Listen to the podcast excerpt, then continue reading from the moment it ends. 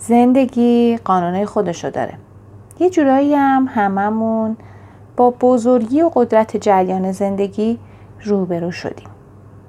هممون یه سری ترسا رو تجربه کردیم. مخصوصا تو شرایطی که نمی‌تونستیم یا نمی‌تونیم موقعیت ها رو پیش بینی کنیم.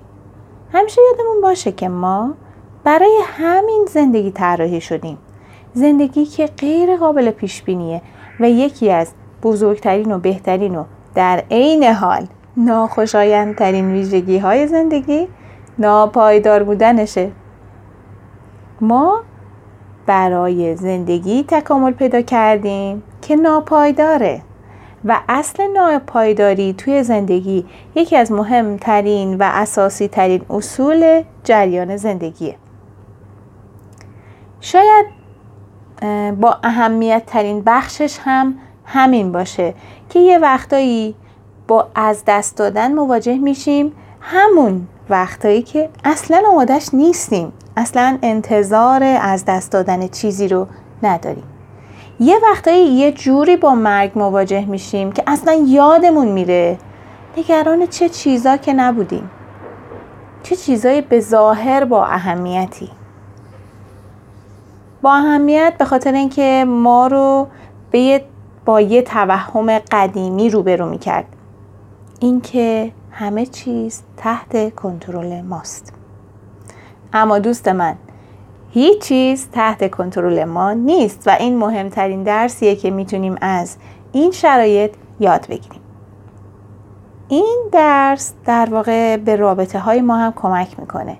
اینکه بدونیم هرچی بخوایم کنترل کنیم هرچی بیشتر بخوایم کنترل کنیم در واقع داریم بیشتر خودمون رو دور می‌کنیم. دور از ارتباط قلبی با آدما از صمیمیت با آدما. دورتر از حس کردن زندگی همونطوری که هست نه اونطوری که ما می‌خوایم تفسیرش کنیم. یه وقتایی باید با هوشیاری به اون چیزی که توی کنترل ما نیست دل بسپریم. و به این هوشیار باشیم که زندگی ناپایداره. هم درد داره هم خوشی داره و هم دردش و هم خوشیش ناپایداره و میگذره. هم تو استراب ها و هم تو آرامش های کوتاه مدتش به خودمون یادآوری کنیم که زندگی ناپایداره و همیشه همه چیز تموم میشه. ما بین موقت ها قرار گرفتیم و لازمه به این موقت ها اعتماد کنیم. به بدنمون و به هوشیاریمون اعتماد کنیم. با جریانی که نمی‌تونیم کنترلش کنیم ناامیدانه برخورد نکنیم بی تفاوت نباشیم. تلاشمون رو بکنیم که بتونیم خودمون از شرایط بحرانی نجات بدیم یا عزیزانمون رو حفظ کنیم توی این شرایط آروم باشیم و بدونیم که استراب ما توی اون لحظه تو اون برهه زمانی موقته. حواسمون باشه که یه بدنی همراه ماست.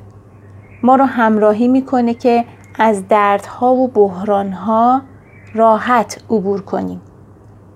توی بحران سعی کنیم با آدمایی که دوستشون داریم معاشرت کنیم و با یه جمعی از بحران هامون رد بشیم.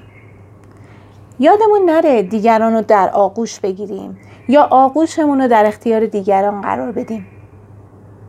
هیچ وقت با قهر زندگی نکنیم.